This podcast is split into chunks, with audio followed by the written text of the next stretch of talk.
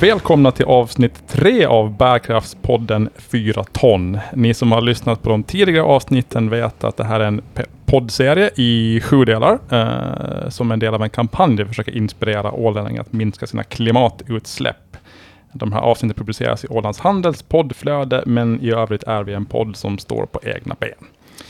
Eh, jag heter som sagt Fredrik Rosenqvist och är målansvarig för mål 7 inom Ålands utvecklings och hållbarhetsagenda. Och med mig idag har jag återigen Karin Rosenberg Brudena som är ledande hållbarhetslots lots och processledare för samma mål, det vill säga mål 7. Hej Karin! Hej! Hej, du har en väldigt lång titel men jag tror jag fick den rätt. Du fick den rätt idag också. Ja, jag vill säga lost istället för lots. Det är ju två helt olika saker. Uh, jag vill stava till det ja, ofta. Men uh, det, ibland är jag också lost lots. Mm, ja. Men, mm.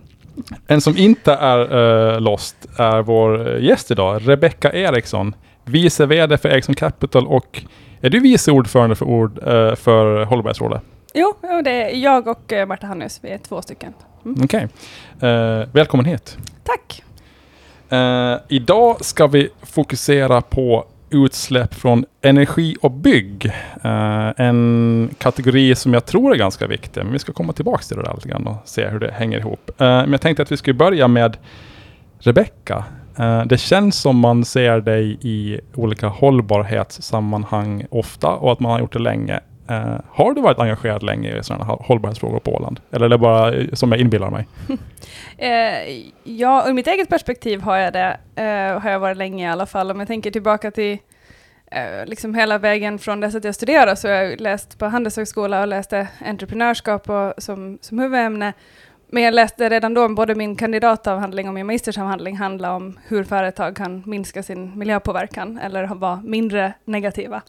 Eh, då tittar jag specifikt på shipping och konsumtion, eh, inte så mycket bygg på den tiden. Okay.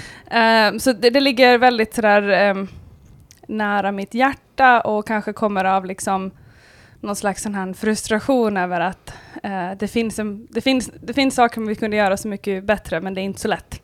Eh, där är man ganska lost då, om vi är mm. tillbaka på det, ja. många gånger. Eh, så att kanske den där liksom viljan och sökande har gjort att jag var engagerad. Sen har jag varit med i bärkraftsarbetet ända sedan den togs fram då 2016.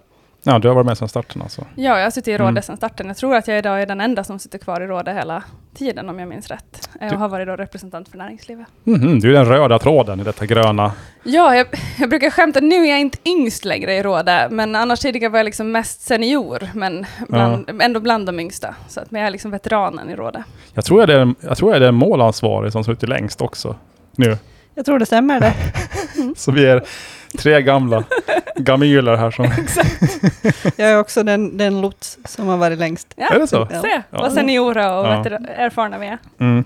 Uh, utan att låta inställsam, men jag kanske gör det, så det känns ofta när du pratar om hållbarhet, Rebecka, som att du, det är något som du brinner för. Du är så här, ofta ganska engagerande och, och, och sådär. Det är liksom ingenting som du gör för att du, du måste kännas som.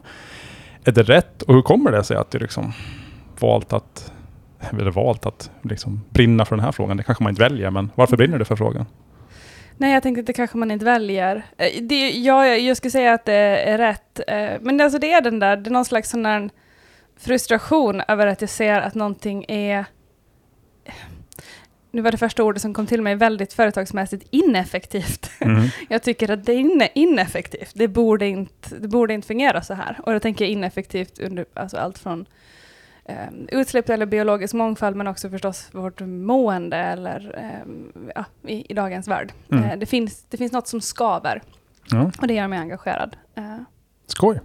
Mm. eller det är inte skoj att det skaver, men det är skoj att jag är engagerad. ja. Eh, idag då, eh, energi och bygg. ett, tungt ämne kan jag säga, men, ja, men lite sådär teknik tungt och sådär. Um, när vi skulle diskutera så här, vad, vad, vad inkluderas för det första i det här, för att förstå lite grann vad vi pratar om. Och då, då vänder jag mig till Karin. Eh, I konsumtionsbaserade sammanhang, vad, vad, vad, klumpar vi ihop under energi och, och bygg egentligen? Där klumpar vi ihop eh, själva by byggandet och vad som går till det. Eh, vi klumpar också ihop vår värmeförbrukning och vår elförbrukning. Eller Byggandet av vad, om jag förstår en dum fråga? hus. De som, det som vi bor i? Ja, Ja, okej. eh, och eh, i, speciellt ska vi säga egnahemshus. För sen finns det också till exempel en kategori som sen är investeringar och det är företagsbyggande av privata bostäder. Okej. Så ja, eh, våra egnahemshus som vi bygger och eh, värmen och energin och elen Mm. som vi använder där i. Okej. Um, och allt annat som byggs, uh, kontorslokaler och uh, shoppingcenter och biografer, det räknas inte in i det här? Ty- Nej, uh, det, det som räknas in dock så är offentligt byggande, alltså offentliga, ska, vi- ska vi säga, offentliga hus som alla får bruka. Det ingår i den här investeringsdelen som jag har räknat in i det hela. Mhm, Mm. Okej.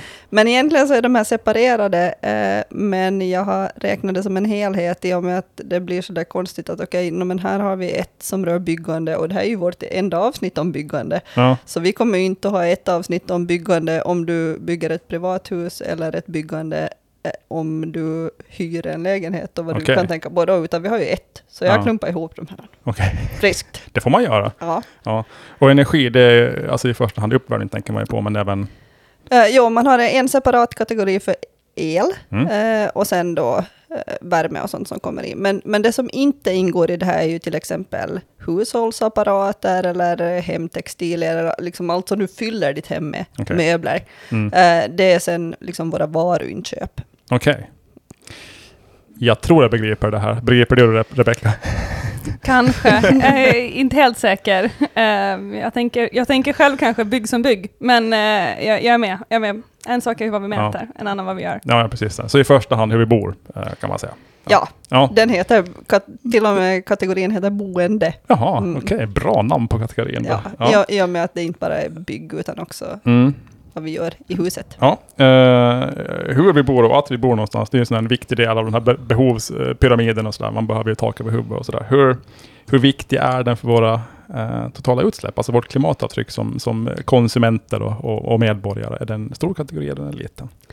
Ja, det beror ju lite på hur man räknar. Gör man som jag, som nu har, har klumpat ihop den här som fanns under investeringar också, eh, så då blir det en väldigt stor kategori. En lika stor kategori som, som mobilitet och transporter som vi pratade om tidigare. Eh, där kring 2,4 ton per person och år. Okej. Eh, ser man bara till, till de här eh, privata hushållen och byggandet och boendet i den, så då är det ganska mycket lägre, kring 1,4 ton. Okej, så transporter och, och det här då, boende, det, de står tillsammans för ungefär alltså hälften då, eller? Blir det rätt det? Jo. De är de två största? De är de två för, största och ganska precis hälften skulle jag säga egentligen. Okej. Är det förvånande eller är det liksom väntat att det är på det sättet? För mig var det väntat. Ja, ja. Ja. Okej. Jag tänker att det är ju de som man ofta också ganska mycket betonar. Mm. Just det här, om man nu läser en någon tio tipslista. Ja, men Mm. vad kan du göra? Se över dina transporter. Se över hur mycket el och värme du förbrukar i ditt, hus. Se till hur ditt hus är byggt. Liksom, de här finns ju alltid med här och de finns ju Mm. med av en orsak. Eh, det betyder inte att jag tycker att de här tiopunktslistorna är jättebra. Eh, men de är ju där för att det är stora, eh, stora upphov till utsläpp från de kategorierna. Okej. Ja, ja. Eh, vi ska komma in då på en hel del, förhoppningsvis, vad som är eh, hållbart byggande, hur man kan tänka kring sitt boende för att få, minska sitt klimatavtryck. Ett svårt ämne, jättesvårt. Ingen av oss är några husbyggare egentligen, av rang. Nej, jag har inte byggt något hus. Ja. Men eh, Rebecka däremot, ditt företag bygger ju en hel del. Det har till och med sina rötter inom, inom eh, byggnations och entreprenadbranschen i Ericsson Capital. Jag rötter entreprenadbranschen då, men då var vi ju mer, mer på marken. Ja. Eh, husgrunder och vägar. Nu är ni mer hög, högtflygande. Nu är vi mer högtflygande, men ja, vi, klart att vi bygger just nu då väldigt påtagligt förstås, men eh, inte är vi några stora byggare heller. Eh, men just nu bygger vi och jag har ju byggt själv också privat, eh, byggt en, en, en hel hästgård och i, i den också funderar väldigt mycket på de här frågorna. Det stämmer ja. Eh, så det, där kanske för mig väcktes mycket intresse Mm. över intresse och frustration och, och Mm. förståelse för hur komplext det är med byggnation. Nu pratar jag stora byggen förstås, Mm. men Men om vi tar, eh, ni håller på bygga Telegrafen heter det. Eh, Mm. Ett eh, stort hus på eh, Torggatan i Mariehamn. Det är liksom Mm. eh, prime location verkligen. Ett, ett hus som alla Mm. går förbi och tittar på lite varje Ja. dag. Det, det är snart klart. Eh, mm, snart. och sen har du byggt en, en, en, en stor hästgård tidigare. Vad, vad skulle du säga som har funderat på de här sakerna? Vad, vad är svårt med att bygga hållbart och klimatsmart? Liksom? Är det, eller är det svårt? Är det lätt? Eh, ja, jag kan inte påstå att jag har gjort någonting som eh, själv att jag skulle gå omkring och känna sån stolthet över oj vad vi har varit föredömligt eh, perfekta, eh, hållbart byggande som jag själv har genomfört. Jag snarare kanske lärt mig mycket där jag har insett så här, oj det här var inte kanske så lätt eller just det, det där borde jag ha tänkt på långt tidigare för att kunna göra det. Och någonstans har jag kommit till, just nu i alla fall så står jag i att för mig är det liksom kunskap och tid, eh, Mm. alltså tidsaspekten att ta sig rätt tid att förstå i vilket skede av ett bygge man behöver fundera på vad. Eh, och sen att det där liksom, tid kostar oftast pengar. Eh, tid är pengar som det står på en känd vägg i stan. Eh, och vare sig det är det att det tar tid om man måste betala för eh, timmar för arbete och planering och undersökningar, eller för att eh, den här byggnaden ska bli klar och det ska komma flytta in hyresgäster, eller för den delen när du bygger privat, för att tar det tid, du kanske du inte har möjlighet, du kanske ska Mm. hyra en lägenhet medan du bygger ditt hus, eller du kanske bor utan badrum medan du håller på och bygger och helt plötsligt börjar det bli vinter. Det är liksom tidsaspekten, vi vill, att, vi vill att saker ska gå fort och vi beräknar inte hur mycket tid vi behöver ta för att, för att kanske utreda saker och i vilket skede man ska göra det. Och där tror jag att jag tror att vi är många som är lekmän i det här området, inklusive säkert många gånger alltså, de som bygger och jobbar med byggande, de är jätteduktiga på det de kan och visst finns det de som säkerligen testar och vidareutbildar sig och så vidare, men samtidigt lever de ju också i en vardag som Mm. går från bygge till bygge. När ska man hinna med och vidareutbilda sig och testa och hur ska man göra? Jag tror det finns otroligt mycket vi måste göra kring liksom processerna. Det blir när man det tänker att ah, men jag gör det nästa gång. Men det, Ja, det, den där nästa gången kommer aldrig. Jag menar, jag själv reflekterar bara nu över sådana saker där jag kan liksom inse så här, jaha, för att vi gjorde det där beslutet så betyder det det här materialmässigt. Men nu kan jag ju inte ändra det. Eh, när vi är liksom några månader från inflyttning. Eh, och, och för den delen för att vi har gjort redan eh, massa förarbete för det. Men för fyra år sedan hade jag kanske borde ha insett det. För Mm. fyra år sedan hade jag inte kunskapen eller förstå att, att, eh, att ta det i beaktande kanske alla Mm. gånger. Nej, det är det här vi märkt när vi pra- har pratat om byggsektorn i olika sammanhang. Jag och, och det, du och Karin och sen jag och andra säkert också. Att just den här med att det är så effektivt eh, att göra ungefär som man alltid har gjort. För det tar mindre tid. Mm. Det, tar, Ja. det tar tid att liksom försöka göra nytt. Och sen när man har kanske tagit sig den tiden, då blir det bättre. Men det är just den här Mm. investeringen i att försöka liksom hitta en annan väg. Och det är så här, det är inte värt det. Folk bara rullar på i samma gamla hjulspår. Mm. Ja, men det blir lite det och jag tror att man, jag tror att man också eh, Dels att man rullar på i samma hjulspår, för att man, den där, den där startup-tiden, när man gör det första gången, man vet man ju alltid, gör man någonting för första gången så tar det tre timmar att göra den första gången och så tar det två timmar andra gången, till Mm. slut gör man det på en halvtimme och funderar över vad tusan man gjorde den där första gången när det tog tre timmar. Liksom. Mm. Eh, så, så, så det är ju liksom en aspekt att komma, komma över den där eh, tröskeln, men men ja, nej, jo. Det där tror jag man känner igen. Alltså det spelar ingen roll om man bygger telegraf eller om man bygger hemma. så det är så här, när man bygger någonting eller renoverar, det är tusen grejer som ska göras. Ja, ja. Alltså listan är oändligt lång på grejer som måste klaras av allt tar en evighet. Och sen kommer man till liksom stadiet så här, ska ni lägga extra tid på att fundera på att hitta ett, ett hållbart alternativ till de här sakerna, då blir man så här, nej, jag hinner inte, Ja. kan inte, det går inte. Och så gör man det enklaste och snabbaste och så tar man det från hyllan. Så där. Ja, det, det här var faktiskt orsaken också till att vi köpte ett vad ska man säga, begagnat hus, alltså ett hus som stod färdigt av en annan. Ni köpte ett hus helt enkelt. vi köpte ett hus, ja, istället för att bygga ett hus. ja. Det man pratar väl inte om second hand-hus, nej. Eh, så det, det var just sådär, när vi började prata så insåg vi att men, alltså alla de här drömmarna som man hade, och så, så insåg man, okej, allt, alla de här valen vi ska göra Mm. och, och allt det här som vi hamnar gå, nej, nej, det här kommer aldrig att funka, vi kommer aldrig att liksom få ett hus som vi sen är nöjda med ändå, typ. Mm. Så därför bes, beslöt vi ganska snabbt att nej, vi bygger inte, utan vi köper ett färdigt hus. Ja. Sen det här med liksom kunskap också, det har jag tänkt på efter att vi renoverar ett, ett hus då som vi bor i nu. Uh, och nu så, så kan jag förstå att, vänta nu, vi hade ju kunnat gjort en massa hållbara val. Mm. Um, nu inser man Ja. det, när man har tid att tänka på det. Så Ja. här, ja, men det är så här, eh, hållbara liksom, isoleringsmaterial och eh, det är fär, fär, andra, annorlunda färger och sådär. Men när man, där och då så då, då hanns Ja. det inte med eller man hade inte den kunskapen. Så, där. så det är jätteknäppigt det där. Jo, just det där att, att inse just i vilka faser jag minns när jag byggde på Himmyra så tittade vi också på mycket alternativa isoleringsmaterial och, och ju vi har träull i, i den delen som är helt och hållet trä, men när vi skulle bygga där var det, hade lite större brandkrav och vi skulle titta på någonting och det så här, ja men jag läste om någonting som fanns i Sverige någonstans och så skickade något namn till byggarna och så beställde de in något prov och så, jaha, vad ska vi göra nu? Ska vi testa hur den brinner? Eh, ja, det blir liksom, ja, men nu vet vi inte, nu behöver vi bara göra ett val, Mm. punkt. Ja. Eh, och då, då är det lättast att gå på det som man vet att funkar. Liksom. Ja, för man har ju också risken att man vill inte att det ska börja brinna eller, eller gå sönder eller Nej. något sånt där. För man Nej. kanske bor där och sen är det mycket pengar och man Mm. vill liksom inte behöva göra om det. Så att, mm. Nej, och sen jag menar, pratar vi om större byggen så ska det kanske vara, jag menar, bygger du lägenheter för att du ska sälja det så är det någon annan som ska köpa dem sen och som ska göra de där kravställningarna, eller pratar vi offentliga miljöer av olika slag, vare sig det är en butik eller ett bibliotek, men så ska det slit, det, liksom slitage är ju eh, enormt på någonting sånt jämfört med ett egna hemshus. Om Mm. man nu bygger sitt eget hus så kanske man kan, om man gjorde det ena eller det andra valet så kanske man kan sen leva med det, för det är man själv som Mm. lever med det någonstans. Ja. Ehm, Sen tänker man ju så här, om man en gång kommer att sälja det här huset, och Mm, hur ska ja. det bli då? Liksom, och så. Ja. Ja.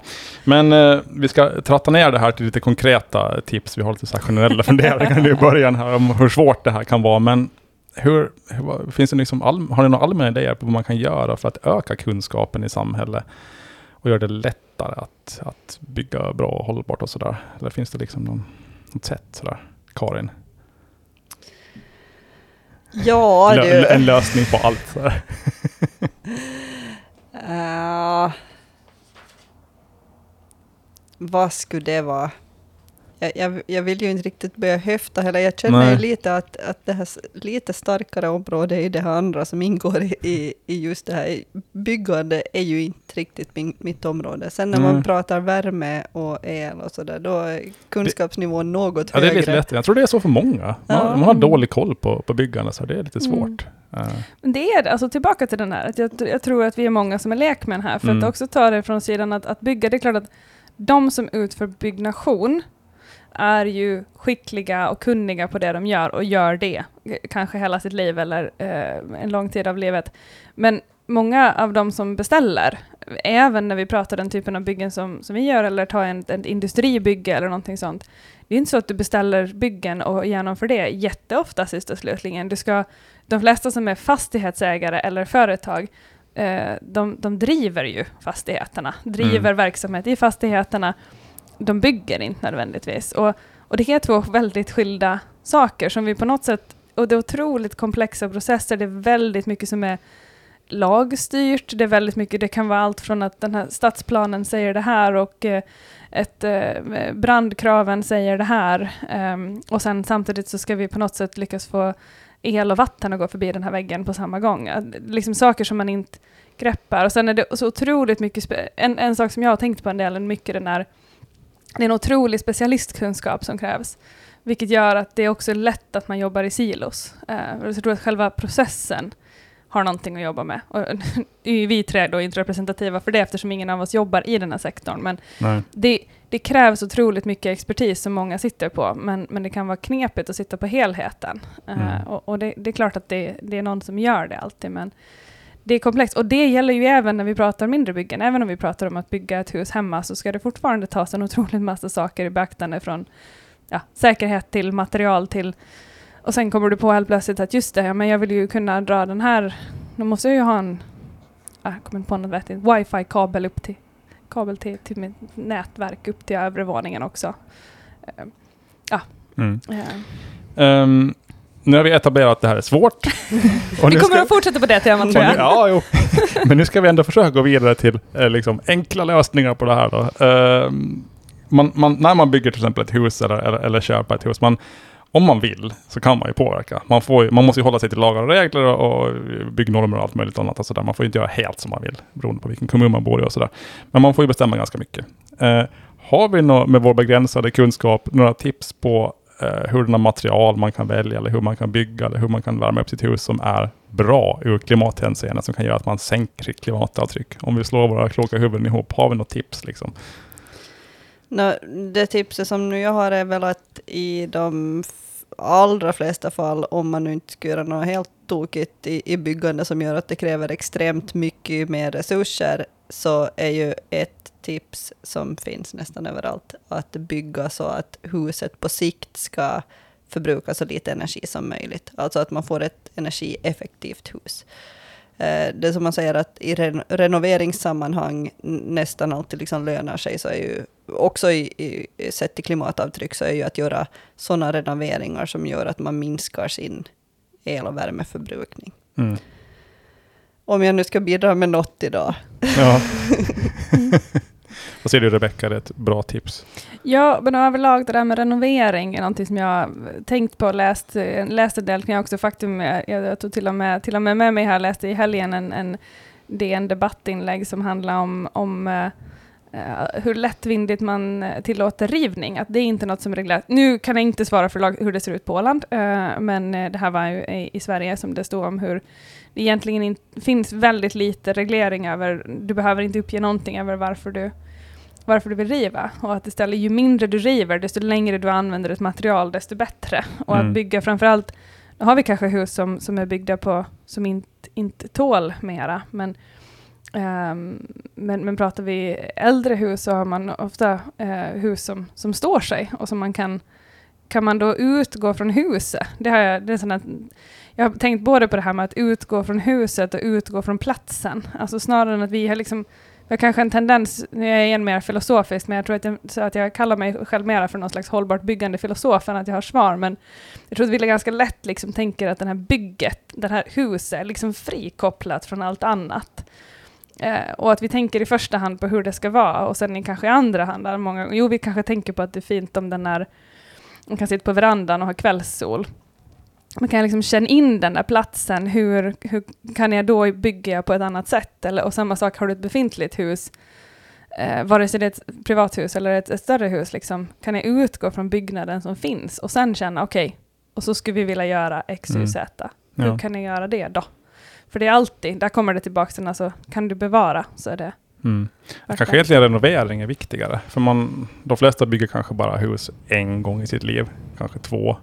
Men man, renovering, det gör man ju ganska ofta Mm. i, i stor och liten skala. Eh, så det kanske är vettigare att tänka så att hur, okej, jag har det huset jag har. Hur, hur och det är byggt med de materialen Mm. det är byggt av. Hur gör jag den bästa situationen nu liksom? Jag har tänkt på en sak som jag skulle vilja göra med mitt hus Mm. nu, eller vårt hus nu i efterhand. Och det är lite problematiskt, för jag skulle tänka att vi klarar oss med ett mindre hus. Men det går ju inte att plocka bort ett rum där. Mm. Nej, det går att hyra ut ett rum, men man kanske inte vill ha en hyresgäst där riktigt. Nej, jag, jag lyfte det med min man en gång. Att, skulle inte vi kunna lägga ut någon, att vi har en högskolestudent och, som bor i vårt gästrum? Han, Aldrig i livet. Ja.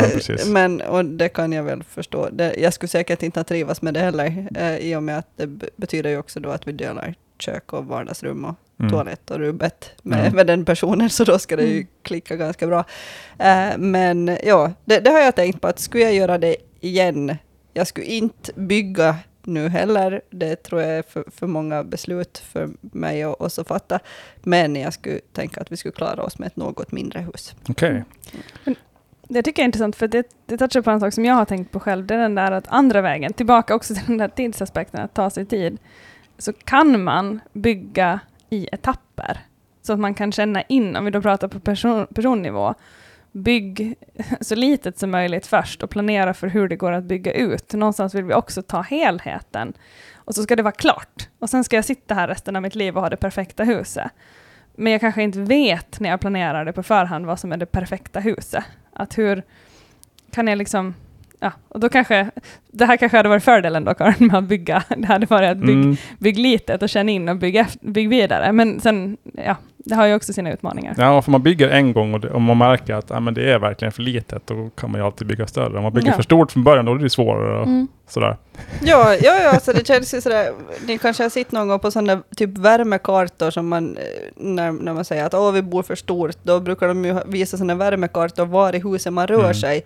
Och så ser de att åh de hade ett sånt här stort hus och de vistas på en vecka bara i hälften av det huset. Och jag vet ju precis vilka två rum Mm. Vi Mm. aldrig nästan vistas i. Nej, precis.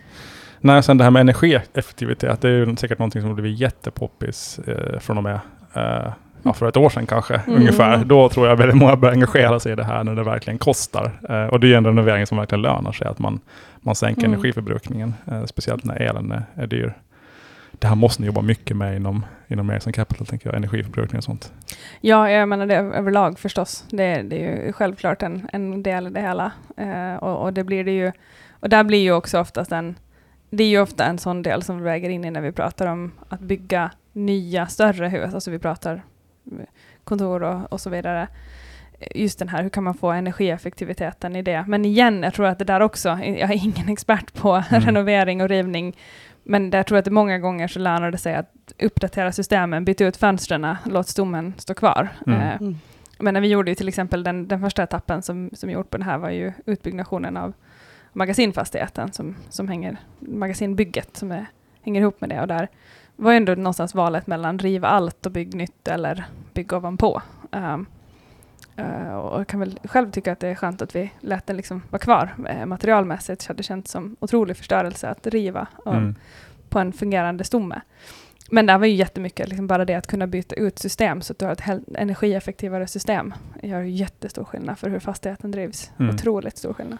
Där vi bor så vi bytte fönster och isolerade golvet för, det var kanske ett och ett halvt år sedan. Jäklar vilken skillnad det gjorde. Ja. Hälften eh, mindre elförbrukning. Mm. Sen har man dock gjort misstag att man vi blev funderade så varför är det så mycket träd som skymmer havsutsikten? De kapar vi ner. Och sen märker man att när det blåser så... Ja, Så att de gjorde någon slags nytta, de där lite, träden. lite så att, mm, ja. Eh, hur viktigt är det att välja miljövänliga energikällor? Det var en ledande fråga. Det måste ju vara viktigt, tänker jag. Det tycker jag är jätteviktigt. Ja. Mm. Men vad är, vad är det då? Och vad, vad, är, vad är icke-miljövänliga energikällor? Alltså vad det gäller el så kan man ju välja grön el Mm. som är, skulle jag säga, den absolut enklaste nästan äh, åtgärden som man kan göra för klimatet som privatperson. Det är bara att gå in till din elleverantör på deras webbplats och säga jag väljer grön el. Gör det någon skillnad då? De som säger att det inte gör, de säger det är ju samma el ändå som kommer in i uttaget. Liksom. Ja, så är det. Ja. Men det, det är som ett, ett ställningstagande som allt annat. Ja, ja. Dina pengar går till, Ja. till grön el. Inte till annat. Mm. Nej. Men, men ja, vad det kommer för el i din, när du lägger in din stickplugg Mm. plugg i, i uttaget, så det, det är ju samma som för alla andra. Mm. Ja. Sen resten, det är väl ganska så här själv, alltså man förstår att en oljepanna är inget bra. Mm. Eh, en luftvärmepump med, med grön el är jättebra. Typ. Be, betydligt bättre än en oljepanna. Vad är, Ja. bäst, vad är bäst då? Vet- Alltså det är väl det mest energieffektiva det. Men Ja. inte, inte vet jag om det sen är... Alltså jag, jag skulle väl tänka kanske jordvärme. Okej. Det var Mm. nog väldigt bra. Eh, det, det är ju också sin såklart miljöpåverkan att, Mm. att eh, borra ett hål. Men, men det skulle jag säga att nog är en väldigt energieffektiv lösning. Eh, kombinerat med att du har ett välisolerat hus med bra fönster, just lite det som, som bra fönster och bra dörrar som ni gick igenom redan nu. Eh, så att minimera förbrukningen så. Men eh, generellt så säger man väl för, för klimatet liksom värst är oljeeldning. Sen är det väl om man har direktverkande el, är inte heller så smart, speciellt inte nu när, eh, eller speciellt inte i fjol vintras kanske det inte var Nej. jätteroligt. Nej, inte för en själv var det bra heller. Eller om man, om man hatar sina pengar så var det bra. Men, Ja. ja. Eh, och sen de här diverse då, jord, uh, värme, luftvärmepump eh, och så vidare. De, de är väl nog bra alternativ, ska jag säga. Och Ved, ved då och flis. Det är en sån här eh, fråga som de som är Mm. engagerade i miljön kan tycka helt olika om. Ja. Eh, är, det väldigt tätt bebyggt så är väl problematiken där att det ger ju upphov till lite partiklar Ja, också. men ur klimathänseende liksom. Ja, men det beror väl på vad du eldar med för ved, Ja, ja, okej. ska jag säga. Ja, ja. Då, då är det väl ve- vedens ursprung som är det. Men mm, jag, jag, jag är medveten om att, att det pågår en diskussion. Jag, jag skulle inte säga, jag, jag skulle väl inte direkt förespråka det som enda värmekälla. Jag skulle inte heller, jag tycker inte heller att det är på något vis katastrofalt. Så jag behöver liksom inte dölja att jag eldar med ved hemma. Nej, Nej. inte, inte för mig. Det är min egen ved, jag hugger den själv. Och sen växer det upp nya träd, jag kan ju se det med mina egna ögon tänker jag. Vi, Mm. ja, vi eldar också. Men eh, inte ska vi säga kanske sådär att vi får jättemycket värme. Vi har en liten sån där myskamin. Mm. Vi sluter kretsloppet för, för de här träden som vi sågar ner som gör att det nu blåser väldigt mycket, väldigt kallt. De använder vi för att värma upp oss. Så det är liksom, vi går på ett ut det där. Vi använder sådana som föll på vår gård från Ja, okej. Alfrida. Mm. Högg Ja, ja. min man upp nu i helgen. Nu hämnas ni när man eldar. Vad tänkte du säga Rebecka? Nej, men jag tänker att det är, jag tänkte, du, du sa det ju Alfred, jag tänker att det finns någonting också med det där med att ha en, ha en sån typ av värmekälla, om man har möjlighet. Det fick man väl ändå erfara med alla de strömavbrotten, en viss eh, resiliens. Alltså, Mm. har du ingen möjlighet att elda så blir det ganska snabbt kallt om eh, helt plötsligt ingen el fungerar på fem dagar. Eh, som det nu var till viss mån då. Nu ska vi hoppas att det inte händer allt för ofta och inte just i januari, men, men eh, det lär väl hända. Jag menar resiliens är ju en aspekt av eh, Mm. klimatfrågan också. Eh, att vi inte kommer att kunna vända det här tillräckligt snabbt för att inte råka ut för katastrofer. kanske det kan vara bra att ha en kamin hemma som du kanske kan ställa en, eh, vad heter det, eh, kittel på och laga ditt kaffe. Jo, nej, det är en väldig trygghet att ha, ha Mm. möjligheten att elda om, man, om strömmen går. Liksom, Mhm. När man bor ute i en koja mitt ute i, i skogen, liksom, ingenstans. Mm. Mm. Vad finns det mer man kan göra? Alltså, nu har vi pratat värme och sådär. Lönar det sig att byta ut sina eh, kylskåp och sånt? Eh, för att sänka energiförbrukningen. Liksom. Så måste man köpa nytt. Det är inget bra men... Då, då måste man köpa nytt och, och då, det kanske inte ger upphov till utsläpp i den här kategorin, men vi har ju en annan som kommer Ja, som jo. varor. Ja, just det. Eh, Så, så där ska man väl i så fall, gör man det bara av energiorsaker, då ska man väl nog, eh, eller klimatorsaker, då ska man väl nog kika väldigt noga på vad man gör. Att, där är väl grunden att använda det du har så länge som möjligt. Men såklart har du ett som kylskåp som drar enorma mängder energi, då är det väl värt att byta. Eh, just det här Citrat livsstilstest som vi puffar för Mm. nu som då. Eh, så där de faktorer som man främst lyfter i det så är hur länge du duschar per vecka. För varmvatten är ju en sån här grej som tar mycket Mm. el och, eller energi. Eh, och hur varmt du har inomhus på vintern. Ja. För där, det Mm. kommer ju också värme. Så det, det är väl nog mycket de grejerna, liksom värme och varmvatten. Eh, de här an- laddning av plattor och, och dator, eller att man har en ipluggad dator och sådär. De, det tar ju marginellt, för många av dem är ju också väldigt energieffektiva idag. Mm. Det var väl... Man har ju hört det några gånger att det brukar snurra den här åsikten att om vi bara skulle sänka eh, inomhustemperaturen 2-3 grader så skulle typ så klimatkrisen vara över. Det skulle göra så stor skillnad.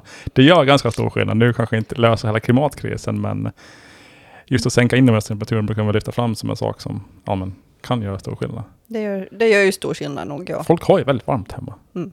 Vi har inte, eller jag har inte. Men, Nej, inte vi heller. nej. Eh, Jag har märkt att man blir lite degig om det är för varmt inne på vintern. Eller jag, jag vet inte, Ja. jag tycker att man hålls mera alert. Ja, man hålls med alert. Man går runt och är så här småarg hela tiden och är väldigt produktiv och sådär. Man är, jag vet, Mm. man är så här. Och sen tycker jag, ibland stöter man på det där tipset att jag har, har den här temperaturen i, i ditt sovrum och så har du det här i dina andra rum. Så där. Åtminstone vi har dörrarna öppna mellan alla rum, typ Mm. hela tiden. Mm. Så det betyder, ja men, då har vi väl kallt i hela huset då. Ja, ja. Och då blir det ju optimal sovtemperatur. Det är ju ändå det som vi gör mest, mestadels när vi är hemma typ. Mm. Eh, annars är, är vi mycket borta. Mm. Så. Ja, vi har ju kommit fram till några saker man kan göra i alla fall. Renovera med liksom syfte att sänka inomhus, eller vad heter det, sänka inomhustemperaturen. Renovera med syfte att sänka energiförbrukningen, kanske ha lite svalare hemma och sådär. Vad borde man göra med på samhällsnivå för att minska avtrycket från bygg och energi? Har ni några bra lösningar sådär? Enkla bra läsningar. Ja. Eh, jag, jag tyckte faktiskt att det där var hemskt intressant, som jag nämnde att jag så läste en, en eh, DN debattartikel som var in, in, eh, ett inspel på det här med att kan man, liksom, kan man uppmuntra till mindre rivning, alltså kan man skapa Mm. fördelar av att bevara byggnationer. Nu, den var i helgen tror jag som den hade varit den där. Det var en, en, en byggfirma som bygger nytt, eh, men de har liksom själva en, eh, ett löfte att de alltid konsulterar till vad man kan göra utgående från den, den byggnation som finns.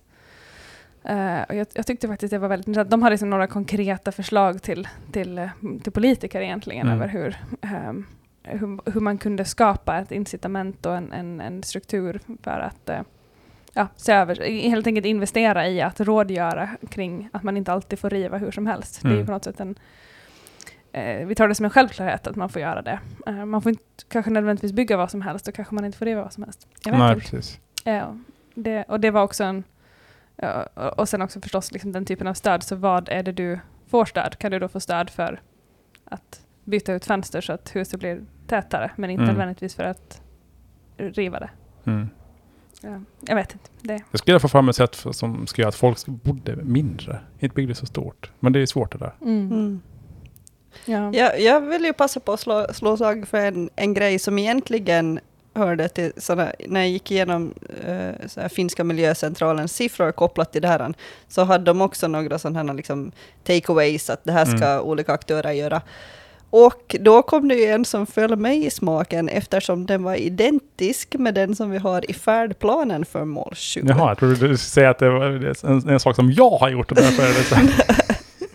Och det var eh, till kommuner, Ja. så puffade de för ett flexibelt fastighetsbestånd med Mm. hög nyttjandegrad. Och det var ju typ precis det som vi hade i färd, Mm. färdplanen, alltså att man, man bygger så mycket som man verkligen behöver. Bäst är det om det används typ dygnet runt. Mm. Eh, och, och att man har något som kan användas till alla olika ändamål. Om det sen är liksom att en tjänsteperson sitter där på dagen och sen är det mer diskurser på kvällen och sen vet, vad, vad finns det för nattaktiviteter? Jag vet inte. Jag har ingen aning.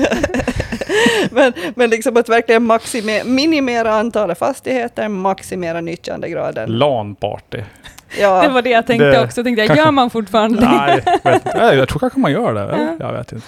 Känner mig... en- Vi har, vi har några lyssnare som är under, under, under, under, under 25 så får de säga om de har fortfarande har LAN-parties. Mm. Eh, så, så den tyckte jag var sådär toppen. Mm. Ja. Det finns ju väldigt många, alltså alla saker som man kan göra som är bra ur klimathänseende när det gäller det här energi och bygg. Man tenderar ju att spara väldigt mycket pengar på det.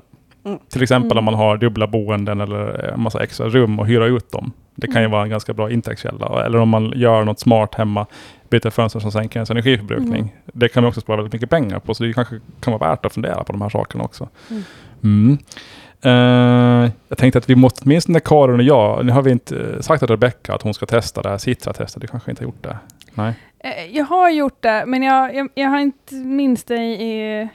eh, jag gjorde det när jag lyssnade någon gång på er podd. Ah, okej. Där, Ja. Ja. Mm. Men, eh, så nu vet jag inte om du, du kommer ihåg vad du fick i den här kategorin med boende, men jag och Karin Nej. tror jag vet vad vi har fått i alla fall. Så vi måste ju jämföra här nu då, se var vi ligger. ja, men jag satt ju här och var glad för att hon hade tagit testet när hon hade lyssnat på vår Ja, podd. men det, det är man ju jättenöjd över. Ja. Yes, eh, 300 kilogram CO2. Okej, eh, så alltså 0,3 ton? Ja. Jaha, okej. Det var jättelågt. Står det du? Uh, alltså jag ljuger så slår jag, men man ska ju inte ljuga. Nej men ja, 0,8, det var jag själv väldigt nöjd över. Ja. Det måste ju ligga ändå under, under genomsnittet. Jo, det gör det ju. Ja, Ja. Men har du grön el då? nej. Nej. Så men det har jag. Ja, okej. ja. Mm. Jag, jag Mm. gjorde faktiskt ett experiment. Jag, jag, jag gjorde om testet och valde hypotetiskt att jag hade grön el. Och då Mm. kom man faktiskt ner till noll i princip. Men hur det? Va? Jag kom inte ner till noll med grön. Nej men vi är så många som bor på så liten yta. Vi är typ fyra pers i mitt, Men- i mitt hus. Ni, ni har en sex månaders babys mera än vad vi har bosatta i vår. Ja, inte så lite det eller? nej, nej, det har du rätt i. Det, ursäkta, det, det. Men, men sådär energiförbrukningsmässigt så skulle Mm. väl inte eh, hon borde stå för en jättestor mängd. Nej. Den kanske inte tar till hänsyn eh, ålder på de som bor där. va? Den var ju förhållandevis för- förenklad. Så jag, jag minns inte exakt vad jag hade på den där boendedelen. Jag minns att den var, ganska, den var nog ganska låg. Eh, Mm. det, så mycket minns jag. För, för mig var det nog transport som stod för det stö- största. Ja. Jag tror det Eller kanske är ganska, särklass störst. Ja, det var väl samma för mig också. Mm. Jag tror ålänningarna är ganska bra på det här överlag. Att vi kanske inte bor så farligt ändå. Och har inte så, så jättedåliga uppvärmningskällor. Alltså oljepannorna är väl nästan alltså försvunna och sådär. De flesta Mm. har väl Mm. ganska, ganska okej ändå, sådär, även fast det är en stor, stor kategori. Eh, Sen kan man ju komma ihåg att alla siffror som jag sitter här och rabblar upp, Mm. ibland med, med bättre precision och ibland med sämre, eh, de är ju, gäller ju Åland. mm. Så det är ju inte något Finlandsmedel som Nej. är här, utan det är ju Åland. Mm. Så vi är ju inte nere på mina 300. Nej. det är ni inte. Ni hade även en, jag, såg, jag, jag tjuvkikade dina anteckningar, ni hade även en lägre energiförbrukning per år än vad, än vad, än vad jag har. Det är jag lite avundsjuk på. Fast ni har nästan 30-40 kvadrat mindre hus. Ja, men du vet, det är de där träden jag kapar ner. Ja, just det det. blåser lite snålt där när det blåser sydväst eller nordväst. Ja. Ja, nej men den här, det här är faktiskt en kategori. Jag blev lite svettig där när du började lägga ut på LinkedIn något mål för vad du skulle köra på ett år och så märkte jag det där klarar inte ens jag. Och Nej. jag tänkte att, och när, du, när vi började den här podden så sa du att det där med transport, det kommer att bli svettigt det. Mm. Och så tänkte jag att men där, det, det där klarar jag med bravur, det där jag jobbar med många, många år. Och sen bang smäller du till med ett mål som är sådär, det där kommer jag aldrig ifatt. Så nu, nu, nu känner jag lite att nu måste jag ju ta den här kategorin energi. Vi, vi är snåla där. Mm. Vi, vi förbrukar inte mycket och speciellt med tanke på att vi då också laddar vår bil och inte har separat mätare för den. Men ni producerar egen el va? Ni ja, har vi har solpaneler. Ja. Okej. Mm. Mm, det har inte vi. Ja. Ja. Ja, ja. Men jag ska när jag kommer ner till Nollberg jag valde grön el, men, men det vet man. har inte riktigt kommit sig före nu. Ehm, vad kan man göra för att bli bättre då? Om vi tar oss till det sådär. Jag uh, väljer grön el, eh, inte duscha så länge. Jag är en sån här duschman. Ja. Men, eh, mm. Så det är väl mina to-do. Men Jag skulle säga att mitt främsta hör väl lite ihop med transporten då. Alltså skulle vi ladda bilen mindre så skulle vi också ha betydligt mindre Mm, okej. energiförbrukning. Det är ju en, en stor förbrukare för oss som har så låg förbrukning annars. mm. Eh, vi hittar någon sån här magisk krympmedel till ert hus. Ja, precis. Det, det Mm. skulle också vara helt trevligt, om inte annat för samvete. Eh, men ah, jag, jag, hade ju, jag har ju en, eller jag har flera passioner i livet, men en är bastu. Jag älskar bastu. Ja. Eh, men vi har en elbastu. Oj, oj, oj. Mm, Ni kan inte använda den så ofta om ni har så här låg elförbrukning. mm, nej, men mm, det gör vi inte. Och speciellt inte senaste vintern. Mhm. Men Mm. däremot så älskar jag det så mycket att när det är en riktigt solig dag som jag känner att nu, nu producerar solpanelerna Mm. och det är nästan lika varmt ute som det är i bastun, då smäller jag på det. och då njuter jag. Så det, det är liksom min, min sådär, inte vet jag nu, guilty pleasure, men tidigare var det, men nu har jag badat väldigt lite, åtminstone förra vintras. Kanske du kan eh, bygga om någon av de rummen som ni inte använder till en el- vedeldad bastu. Är de i ytterkant någonstans? Mm. Så du får in en, Det, en spiss. det fanns faktiskt på min önskelista när vi flyttade in i huset att byta den där elbastun till en vedeldad bastu. Mm. Men det har inte blivit gjort ännu. Det är my- ganska mycket som inte har blivit gjort. Men vi har fått upp solpanelerna. Ja. Nu under, ja inte under större delen av året, men åtminstone nu under sommarhalvåret så badar jag bastu varannan dag faktiskt. Mm. Men vi har vedeldad bastu. Mm. Mm. Det är jättekul. Alltså det är extra skönt om man sitter där och tänker att det här är gratis. Ja. Så tänker man på alla andra som har elbastu. Mm. Uh, Rebecka, vad känner du själv att du borde göra för att komma ner Jag vet inte, just kring, just kring boende, för, för mig är det nog de transporterna som är Mm. och framförallt eh, jobbresor eller re, re, rese, resekonto som, som, som är den stora delen. Som, som är lite sådär svårt att emellanåt går att rå på mer eller mindre så att säga från, från gång till annan. Men, ehm, och det här nu med också jobba med klimatkompensering emellanåt, men det tar inte, det tar inte bort det. Det ändrar inte mitt livsstilsbeteende. Jag vet inte riktigt kring boende. Jag känner att jag kanske är lite för omedveten också kring, kring det. Så det är kanske liksom någon slags steg ett. Jag bor ju i hyrd lägenhet idag eh, och blir, blir lite så här frånkopplat. Det är ju som fördelen med Mhm. att vara direkt i, i direkthus. Um, eh, ja, så det kanske är någon slags medvetenhet kring det där från första början. Mm. Eh, men eh, ehm, mm. Ja. Bra. Uh, börjar du bli nöjd så? Eller har vi någonting som vi har glömt att, att tipsa om? Ja, vi var ganska nöjda. Ja. Eller, Ja. vi, har fått, vi har fått nämnt här våra fyra färdplaner som man kan föra in och kika Ja, ja. på. Lite tips har kommit. Och det har varit intressant att höra på er, fast jag känner att i det här så har jag haft inte så jättemycket att bidra med själv kanske. Mm. Men Åtminstone, åtminstone när det gäller bygg. Det var verkligen sådär lite kliché. Men Ja. det, Mm. det är alltid lättare att prata om sådana saker som man har, tycker jag i varje fall, konkret erfarenhet Mm. av. Mm. Och här är faktiskt, liksom bygg det är ett område som jag inte har det. Mm. Nej, men sen är det ju å andra sidan väldigt skoj att hålla på med det här hemma och försöka minska sin förbrukning och, och hitta på nya sätt. Så här, Det är ju Mm. inte kört även fast man har byggt klart. Liksom, utan man kan ju renovera, man kan fixa och hålla på. Så det är ganska så här, spännande, Mm. speciellt när det lönar sig och så. Um, Men, mm.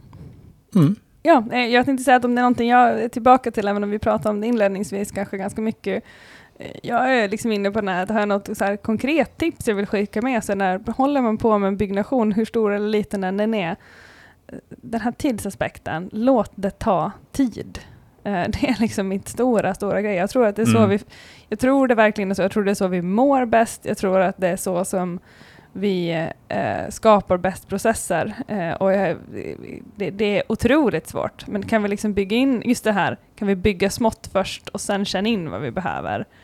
Eh, eller eh, kan vi bygga in, jag har tänkt någon gång på, kan man, när man har en byggfas, kan man liksom ställa att man planerar in någon slags så här wintering, alltså att man, man har faser där det, här ska vi ta det lite lugnt så att vi hinner känna in var vi är på vägen. Det är ju Mm. inte någonting, vi är ju väldigt linjära i allting vi gör Mm. eh, som samhälle. Så det är min så här, ta, låt saker ta tid. Det tror jag är det absolut bästa sättet som vi kan tänka efter på eh, när vi bygger. Då. Mm. Det, det är min tro. Lite mer så här slow building. Mm. Ja, men någonting för att ja, känna in eh, och hinna göra rätt val. Men, ge- s- lättare sagt än gjort, eh, är jag den första till att säga. Mm. Ja, det har vi. Vi ska väl bygga ut någon gång, eh, tror vi, där Mm. vi bor nu. Men det ligger så här kanske tio år i framtiden. Så vi har Mm. verkligen tid på oss att liksom, så här, hmm, fundera Mhm. långsamt. Så jag ska ta med mig det rådet faktiskt, att man inte gör något överilat sen. Men sen gör de där, exakt, gör det sen också i faser. Låt det Mm. vara sådär att det inte grottar i tio år och sen så ska det ske på ett halvår. Nej. Hur kan man skapa förutsättningar? För, hur kan man planera det för att man kan ge, låta det få, få ha en tid? Ehm, det, det tror jag liksom är en... Mm. Ja, jag, jag tror att det är någonting man kan, kan jobba på i alla typer av byggen. Kanske. Mm. Hur man gör det. Bra, det tar vi med oss. Och sen om man är sugen på att veta mer, då kan man gå in på Bärkrafts alla hemsidor, och Instagramkonton och Facebookkonton och X-flöden och så kanske inte ni har, men Nej, det har vi inte. Vi Nej. har, vi har också bara en hemsida. ja, okej.